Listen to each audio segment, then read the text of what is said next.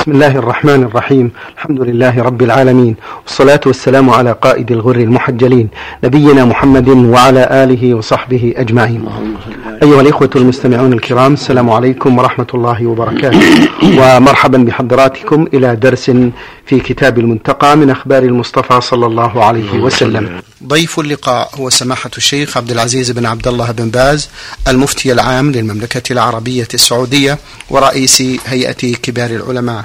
مع مطلع هذا اللقاء نرحب بسماحة الشيخ فأهلا ومرحبا سماحة الشيخ. حياكم الله وبارك باب ارتياد المكان الرخو وما يكره التخلي فيه. عن أبي موسى قال مال رسول الله صلى الله عليه وآله وسلم إلى دمث إلى جنب حائط. فبال وقال إذا بال أحدكم فليرتد لبوله رواه أحمد وأبو داود. وعن قتادة عن عبد الله بن سرجس قال نهى رسول الله صلى الله عليه وسلم أن يبال في الجحر. قالوا لقتادة ما يكره البول في الجحر؟ فقال يقال إنها مساكن الجن. رواه أحمد والنسائي وأبو داود. وعن أبي هريرة رضي الله عنه أن النبي صلى الله عليه وسلم قال اتقوا اللاعنين. قالوا وما اللاعنان يا رسول الله؟ قال الذي يتخلى في طريق الناس أو في ظلهم. رواه أحمد ومسلم وأبو داود. وعن أبي سعيد الحميري عن معاذ بن جبل قال قال رسول الله صلى الله عليه وسلم اتقوا الملاعن الثلاث البراز في الموارد وقارعة الطريق والظل رواه أبو داود وابن ماجه وقال هو مرسل. وعن عبد الله بن المغفل عن النبي صلى الله عليه وسلم قال لا يبولن أحدكم في مستحمه ثم يتوضأ فيه فإن عامة الوسواس منه رواه الخمسة لكن قوله ثم يتوضأ فيه لأحمد وأبي داود فقط. وعن جابر عن النبي صلى الله عليه وسلم أنه نهى أن يبال في الماء الراكد رواه أحمد ومسلم والنسائي وابن ماجه. بسم الله الرحمن الرحيم الحمد لله وصلى الله وسلم على رسول الله وعلى آله وصحبه. أما بعد هذه الأحاديث بيان المواضع التي لا ينبغي البول فيها. وهو الموضع الذي ينبغي أن يتحرى عند البول. الحديث الأول الدلالة على أنه يشرع للمسلم إذا أراد البول أن يتحرى المكان الذي يكون دمثا لا يطير منه عليه شرار البول. إذا كان في حافظة البرية أو في بيته في مكان ليس معدا لقضاء الحاجة فليرتدي بوله. ولينظر المكان الدمث اللين الذي إذا بال فيه لا يطير منه شيء عليه ولا يضره. هذا هو السنة. تحرزا من البول. لقوله صلى الله عليه وسلم استنزهوا من البول فإن عامة عذاب القبر منه. ولحديث أصحاب القبرين اللذين عذب أحدهما عذب بعدم تنزه من البول. والثاني النهي عن البول في الجحر. لأن الجحر قد يكون فيه هوام قد يكون فيها دواب يؤذيها ويقال إنها مساكن الجن فينبغي ألا يبال في الجحور لأن في ذلك مضرة على من كان ما فيها من الدواب وربما أنضره أيضا ربما خرج من الجحر شيء فلا من عقارب أو حيات أو غير ذلك فينبغي ترك ذلك والحذر من ذلك. كذلك طرق الناس وظلهم وهكذا متشمس في الشتاء لا يبال فيه لأنه يؤذيهم يضر الناس. ولهذا يقول صلى الله عليه وسلم اتقوا اللاعنين. الذي يتحلى في طريق الناس أو ظلهم. سميت لاعنان سمي الظل والطريق لاعنان لأن من بال فيهما لعنه الناس سبه الناس. فهما سبب للعن اللعنين يعني اللذين سببا للعن يعني اللذين البول فيهما يكون سببا للعن لعن الناس. وسب الناس. في اللفظ الآخر اتقوا الملاعن الثلاثة. برازة الموارد وقارعة الطريق والظل. كلها يمنع البول فيها. البراز تبرز يعني قضاء الحاجة. في الموارد موارد المياه على الأنهار كون يبول على حافاتها يضر الناس ويؤذيهم. وهكذا البول في الطريق. وأعظم من هذا قضاء حاجة الغائط أشد وأخطر. وهكذا الظل. تحت الشجر أو تحت الجدار يستظلون به فلا يبال فيه ولا يتغوط فيه لأنه يضر الناس. هكذا تحت أشجار مثمرة لا يبال تحتها ولا يطلها لأن قد يسقط الثمر على البول وعلى الأذى. ينبغي توقي هذه الأشياء التي قد يضر البول فيها بالمسلمين وقد يضر أيضا بالثمار التي فوق رأسه. والمتشمس مثل ذلك إذا كان في الشتاء محل يتشمس فيه الناس يجلسون فيه للدفء لا يبال فيه ولا يتغوط فيه ولا يوقع فيه أذى لأن هذا يؤذي الناس ويضرهم. فينبغي التحرز من ذلك حتى لا يؤذي المسلمين. عن جابر عن النبي صلى الله عليه وسلم أنه نهى أن يبال في الماء الراكد كذلك الماء الراكد لا يبال فيه. لأن البول فيه قد يسبب تنجسه. إذا تكاثر فيه الأبوال قد يتغير وينجس. الحديث الصحيح لا يبول لا يبول أنه الماء الدائم. هل بول الماء الدائم لا يجوز. لأن إذا بال هذا وبال هذا قد تكثر الأبوال حتى يتغير. حتى يتغير طعمه أو لونه أو ريحه فيصير نجسا فإذا أراد البول يبول في خارج الماء الدائم. والحكمة في هذا ظاهرة. وهو أن البول في الماء. الدائم وسيلة إلى تنجيسه نعم. سماحة الشيخ قال الشارح رحمه الله عن الحديث الأول بأن فيه مجهول. هل يقدح في صحة هذا الحديث؟ لا المعنى المعنى جيد. المعنى جيد ولو لأن يكون يتحرى لبوله محل الدمج أمر مناسب مشروع. حتى لو ما صح الحديث. نعم. في الحديث الثاني هل هناك علة غير ما ذكر في الحديث سماحة الشيخ؟ أنه قد يخرج ما يؤذيه. الجحور الجحور قد يخرج ما يضر ما يضره كما تقدم. وقد يؤذي يؤذي ساكنها من الدواب. أحسن الله إليكم. سماحة الشيخ ذكر بعض الفقهاء أن سعد بن عبادة بال في جحر ثم سقط ومات. ما صحة هذا الخبر؟ مش مشهور هذا أنه مات في ذلك؟ والله أعلم. ما أعلم حال سند الخبر لكن مشهور أنه مات بسبب ذلك رضي الله عنه. يحدث سماحة الشيخ أن المتبول ربما طار إليه رذاذ بسيط وهو في مكان صلب ولكن لا يعلم ما الذي أصابه من هذا. ماذا يفعل؟ إذا إذا علم شيء يغسل ومن كان ما يعلم ما عليه شيء، لكن إذا علم أنه طار إليه شيء يغسل ما أصابه. أما إذا كان لم يعلم يترك الوساوس. لكن متى علم أنه طار إلى فخذه أو إلى قدمه يغسل. أما إذا كان لا إنما هي وسوسة فليترك الوسوسة ولا يلتفت إليها. سماحة الشيخ حفظكم الله هل هناك سبب لاختلاف الروايات التي في ذكر فيها اللاعنين والآخر التي ذكرت الملاعين الثلاثة لا ما, ما في المعنى واحد المعنى صحيح فيها كلها نعم حفظكم الله سماحة الشيخ من أسئلتنا نقول ابتلي الكثير من البعض من الناس في الوسوسة حول الطهارة والصلاة وغير ذلك. حدثونا عن هذا الموضوع. الواجب الحذر من الوسوسة الواجب على المسلم أن يحذر الوساوس ويعمل بالأصل. ولهذا قال صلى الله عليه وسلم ما سأله سائل عن الرجل يجد الشيء في الصلاة؟ قال لا يعني فلا يجزي هل خرج من شيء أم لا؟ قال لا ينصرف. قال له النبي صلى الله عليه وسلم لا ينصرف حتى يسمع صوتا أو يجد ريحا.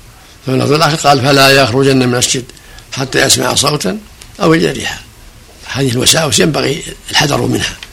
وإذا عرضت الإنسان في أنه تنجس أو أنه أحدث فالأصل عدم ذلك. يطرح ذلك ويتعوذ بالله من الشيطان. حتى يعلم يقين أن حصل حدث أو حصل نجاسة وإلا فالوساوس ينبغي له يطرحها لأنها من من لعب الشيطان وإيذائه. وجاءه بعض الصحابة قال يا رسول الله إن الشيطان لبس علي صلاتي. فقال له النبي صلى الله عليه وسلم إذا وجدت ذلك فانفث عن يسارك ثلاث مرات فانفث عن يسارك ثلاث مرات. يقول أعوذ بالله بسم الله أعوذ بالله من الشيطان استعذ بالله من الشيطان ثلاث مرات. قال له النبي صلى الله عليه وسلم استعذ بالله من الشيطان ثلاث مرات واتبع عن يسارك ثلاثا فإن ذلك يذهب عنك. قال الصحابي عثمان بن العاص فعلت ذلك فأذهب الله عني ذلك. فالمقصود أنه إذا أحس بالوساوس يحذرها. وإذا نفث عن يساره ثلاث مرات وتعوذ بالله من الشيطان ثلاثا كان هذا من أسباب السلامة كما أرشد النبي صلى الله عليه وسلم إليه عثمان بن العاص الأنصاري رضي الله عنه. جزاكم الله خيرا. سماحة الشيخ في الحديث الأخير آه إذا كان الماء كثير هل يصح البول فيه؟ ولو كثير الحديث عام. نعم. الرسول نهى البول دائما مطلقا ولو كثير. لأن قد تجتمع الأبواب وتكثر حتى تؤثر. أحسن الله إليكم. باب البول في الأواني للحاجة. عن أميمة بنت رقيقة عن أمها قالت كان للنبي صلى الله عليه وآله وسلم قدح من عيدان تحت سريره. كان يبول فيه بالليل. رواه أبو داود والنسائي. وعن عائشة رضي الله عنها قالت يقولون إن النبي صلى الله عليه وآله وسلم أوصى إلى علي لقد دعا بالطست ليبول فيها فانخنثت نفسه وما شعرت فإلى من أوصى رواه النسائي ومعنى انخنثت أي انكسرت. حديث أميمة بنت رقيقة وحديث عائشة كلاهما يدل على أنه لا حرج في إعداد إناء للبول فيه عند الحاجة لا بأس في عند فراشه في الليل أو حال مرضه. كل هذا لا حرج فيه لأنه من باب الإرفاق بالإنسان وعدم التكلف في ذهابه إلى محل قضاء الحاجة ولا حرج في ذلك والحمد لله. نعم. ما وجه الحاجة المذكورة في الحديث سماحة الشيخ؟ نعم. ما وجه الحاجة المذكورة في الحديث؟ لأنها الذهاب إلى محل قضاء الحاجة قد يشق على الإنسان في الليل وقد يكون هناك موانع أخرى من مرض وغيره. نعم. إذا بال الإنسان في إناء ما مقدار تطهير هذا الإناء سماحة الشيخ؟ يطهر بما يغلب على الظن زوال أثر النجاسة. ما يحد بسبع ولا غيره. إنما يغسل الإناء بما يراه الغاسل كافيا. ثنتين ثلاث أربع لإزالة آثار البول اللي فيه. نعم. لماذا نسبت البنت إلى أمها؟ الظاهر والله أعلم أنها نسبت إليها أنها مشهورة بها وأبوها غير مشهور فلهذا نسبت إليها. قيل أميمة بنت رقيقة. قد راجعت ترجمتها في عدة كتب فلم يوضحوا الأسباب كالتهذيب وتهذيب التهذيب والتقريب لم يذكر فيها أسباب نسبتها إلى أمها. والظاهر والله أعلم أن الأسباب أنها مشهورة بأمها دون أبيها. كما في عبد الله بن مكتوم وعبد الله بن بحينة وعبد الله بن سلول للشهرة. للشهرة. أحسن الله إليكم. سماحة الشيخ ما حكم الشرع في نظركم في انتساب الشخص إلى الأم؟ إذا دعت الحاجة إلى ذلك للشهرة ونحوها لا بأس. وإلا في الأصل النسبة إلى أبيه. النساء ينسب إلى أبيه. الله قال ادعوهم لآبائهم. هذا الواجب أن يدعى لأبيه. لكن إذا اشتهرت به واشتهر اشتهر بأمه ودعت الحاجة إلى ذلك فلا بأس. لأن هذا موجود في الصحابة وفي من بعدهم. النسبة إلى الأم عند الحاجة إليها. من باب الإيضاح من باب يعني إزالة الشبهة. أحسن الله إليكم. سماحة الشيخ هل يفهم من إيراد المؤلف لهذا الباب كراهة البول في الأواني لغير الحاجة؟ ما هو ما ما هو شيء واضح اللي يدعو على كراهة. الأصل الإباحة والحمد لله. على الأصل الإباحة. ولا يقال للشيء مكروه إلا بدليل. باب ما جاء في البول قائما. عن عائشة رضي الله عنها قالت من حدثكم أن رسول الله صلى الله عليه وآله وسلم بال قائما فلا تصدقوه. ما كان يبول إلا جالسا. رواه الخمسة إلا أبا داود. وقال الترمذي هو أحسن شيء في هذا الباب وأصح. وعن جابر قال نهى النبي صلى الله عليه وآله وسلم أن يبول أن يبول الرجل قائما. رواه ابن ماجه. وعن حذيفة أن النبي صلى الله عليه وآله وسلم انتهى إلى سباطة قوم فبال قائما فتنحيت فقال أدنه فدنوت حتى قمت عند عقبيه فتوضأ ومسح على خفيه. رواه الجماعة.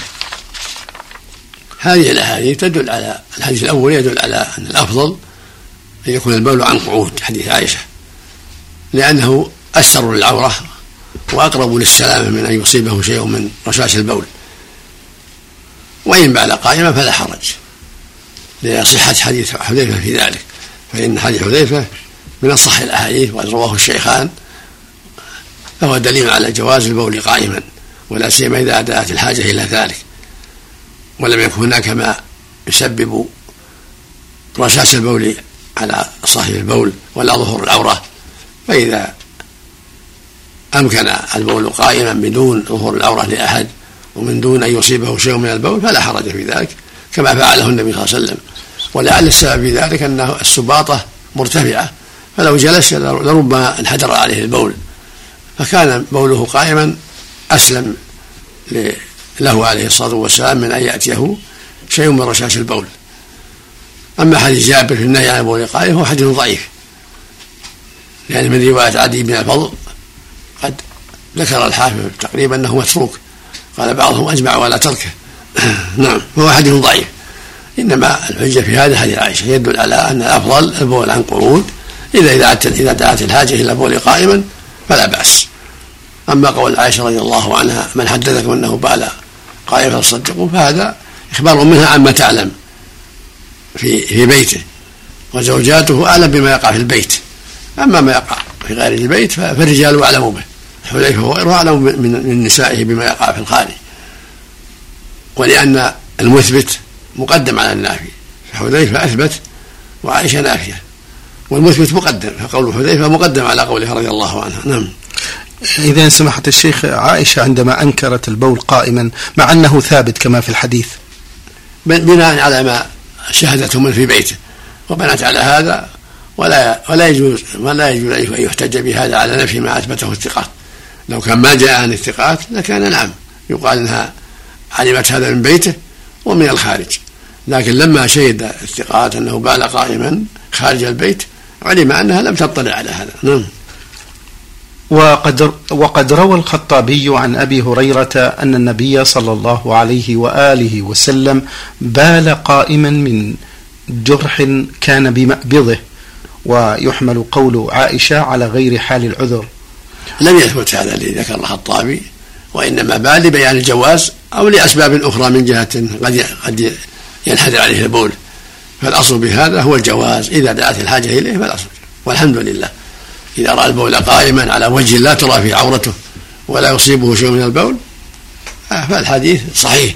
دان على الجواز والحمد لله. وجاء معنا عن المغيرة أيضا. نعم. إذا حفظكم الله سماحة الشيخ آه، هل يدل الحديث آه، حديث عائشة على جواز البول قائما؟ حديث حذيفة. حذيفة. نعم. ولكن ألا سيما إذا دعت الحاجة إليه. فإما طيب. دعت الحاجة إليه فالبول جلوس أفضل كما فعله النبي في بيته صلى الله عليه وسلم. اللهم صل وسلم. البول عن جلوس أفضل إذا إذا لم تكن هناك حاجة إلى القيام. أما إذا كان هناك حاجة رأى ان أن هناك حاجة إما كون المكان لا يصلح للجلوس أو لو جلس فيه لربما ناله شيء من البول أو أسباب أخرى أو عجلة أو يتألم من الجلوس فلا بأس الحمد لله. الحمد لله. حفظكم الله. سماحة الشيخ ألا يكون هذا سببا لإصابة هذا الشخص برشاش من البول؟ من هو؟ عندما جواز البول قائما ولكن ألا يكون سببا لإصابته؟ لا إذا كان البول في أرض لينة ما, ما يصير شيء. لكن صارت دمته من السمادة وأشباهه ما يصير. السباطة مجمع التراب. نعم. هذا يصير دمس ما, ما يرشبون نعم. كيف نجمع بين حديث النهي عن البول قائما وفعل الرسول صلى الله عليه وسلم؟ النهي عن البول قائما ضعيف غير صحيح. حديث جابر ليس بصحيح. نعم. أحسن الله إليكم سماحة الشيخ. نعم. باب وجوب الاستنجاء بالحجر أو الماء. عن عائشة رضي الله عنها أن رسول الله صلى الله عليه وآله وسلم قال إذا ذهب أحدكم إلى الغائط فليستطب بثلاثة أحجار فإنها تجزي فإنها تجزي عنه. رواه أحمد والنسائي وأبو داود والدار قطني وقال إسناد صحيح حسن. وعن ابن عباس رضي الله عنهما أن النبي صلى الله عليه وآله وسلم. مر بقبرين فقال إنهما يعذبان وما يعذبان في كبير. أما أحدهما فكان لا يستتر من بوله وأما الآخر فكان يمشي بالنميمة. رواه الجماعة. وفي رواية للبخاري والنسائي وما يعذبان في كثير. ثم قال بلى كان أحدهما وذكر الحديث. وعن أنس عن النبي صلى الله عليه وآله وسلم قال تنزهوا من البول فإن عامة عذاب القبر منه. رواه الدار قطني. هذه الحادثة يدل على الحذر من البول وأن ينبغي للمؤمن الحذر من البول. ولا ولا بد من أن يستطيب منه. إما بالحجر وإما بالماء. في حديث عائشة فيستطيب بثلاث أحجار فإنها تجزع عنه. يستطيب يعني يستجمر وفي حديث سلمان أن الرسول نهى أن يستجاب بأقل من ثلاثة أحجار. فالواجب إذا أراد يكتفي بالحجر الواجب ألا تنقص عن ثلاثة أحجار. إذا حصل بها النقع فإن لم تنقي زاد رابعا وهكذا حتى ينقي. فإذا دعت الحاجة إلى رابع استحب أن يأتي بخامس حتى يقطع على وتر. والمقصود من هذا كله التنزه من البول. ولهذا في حديث ابن عباس أن النبي صلى الله عليه وسلم طلع على قبرين وقال إنهما لا يعذبان قال وما يعذبان في كبير يعني في شاق عليهما أو في كبير في أنفسهما ثم قال بلى في الرواية الأخرى يعني إنه لكبير. أما أحدهما فكان لا يسلس من البول يعني لا يتنزه من البول. وأما الآخر فكان يمشي بالنميمة. هذا يدل على عظم جريمة النميمة والعياذ بالله وعظم جريمة عدم التنزه من البول وأن الواجب على مسلم أن يحذر أن يحذر هذا وهذا. الواجب أن يحرص على التنزه من البول وأن يستطيب منه بالحجارة أو بالماء والواجب عليه أن يحذر النميمة. والنميمة هي نقل الكلام السيء من شخص إلى شخص أو من جماعة إلى جماعة أو من قبيلة إلى قبيلة لأن هذا يثير الشحنة والعداوة. يقول النبي صلى الله عليه وسلم لا يدخل الجنة نمام متفق على صحته. فإذا نقل زيد عن عمرو كلاما لخالد إنه يسبك أو إنه يقول إنك بخيل أو كذا هذه النميمة. أو نقل كلام جماعة إلى جماعة إنه يسبهم إنهم يسبونكم وانكم وانكم يقولون فيكم كذا وكذا هذه النميمة. هي محرمه ومن كبائر الذنوب. وأما البول فدلت السنة على أنه من الكبائر عدم التنزه منه وأن من أسباب العذاب. فالواجب التنزه منه والحذر وإذا استجمر يستجمر بثلاثة أحجار فأكثر حتى ينزه المحل ولا تنقص عن ثلاثة. إلا إذا كان معه الماء لا يكفي وحده وإن استجمر بحجر أو حجرين مع الماء كفى لكن إذا استقلت الحجر لا بد من ثلاثة فأكثر ولا بد من كونه يطيب المحل حتى لا يبقى أثر للبول والغائط. والسنة إذا استجمر بأربعة يقطع على وتر وإذا لم تكفي خمسة أتى بسادس. واستحب أن يأتي بسابع حتى يقطع على وتر. والمقصود أنه لا بد من التنزه من البول إما بالماء وإما بالحجارة أما بالماء حتى ينقي المحل حتى تعود الخشونة إلى محل الغائط وحتى يزيل أثر البول من الذكر. وأما بالحجر فلا بد أن يزيل أثار البول وأثار الغائط من محله بثلاثة أحجار فأكثر تنقي المحل. وإذا لم تنقي ثلاثة زاد رابعا حتى ينقي المحل واستحب له يأتي بخامس حتى يقطع على وتر. ولا بد أن تكون سليمة ليس فيها عظم ولا روث. تكون أحجار من الحجر من اللبن من خشب من مناديل خشنة طاهرة تزيل الآثار لا بأس.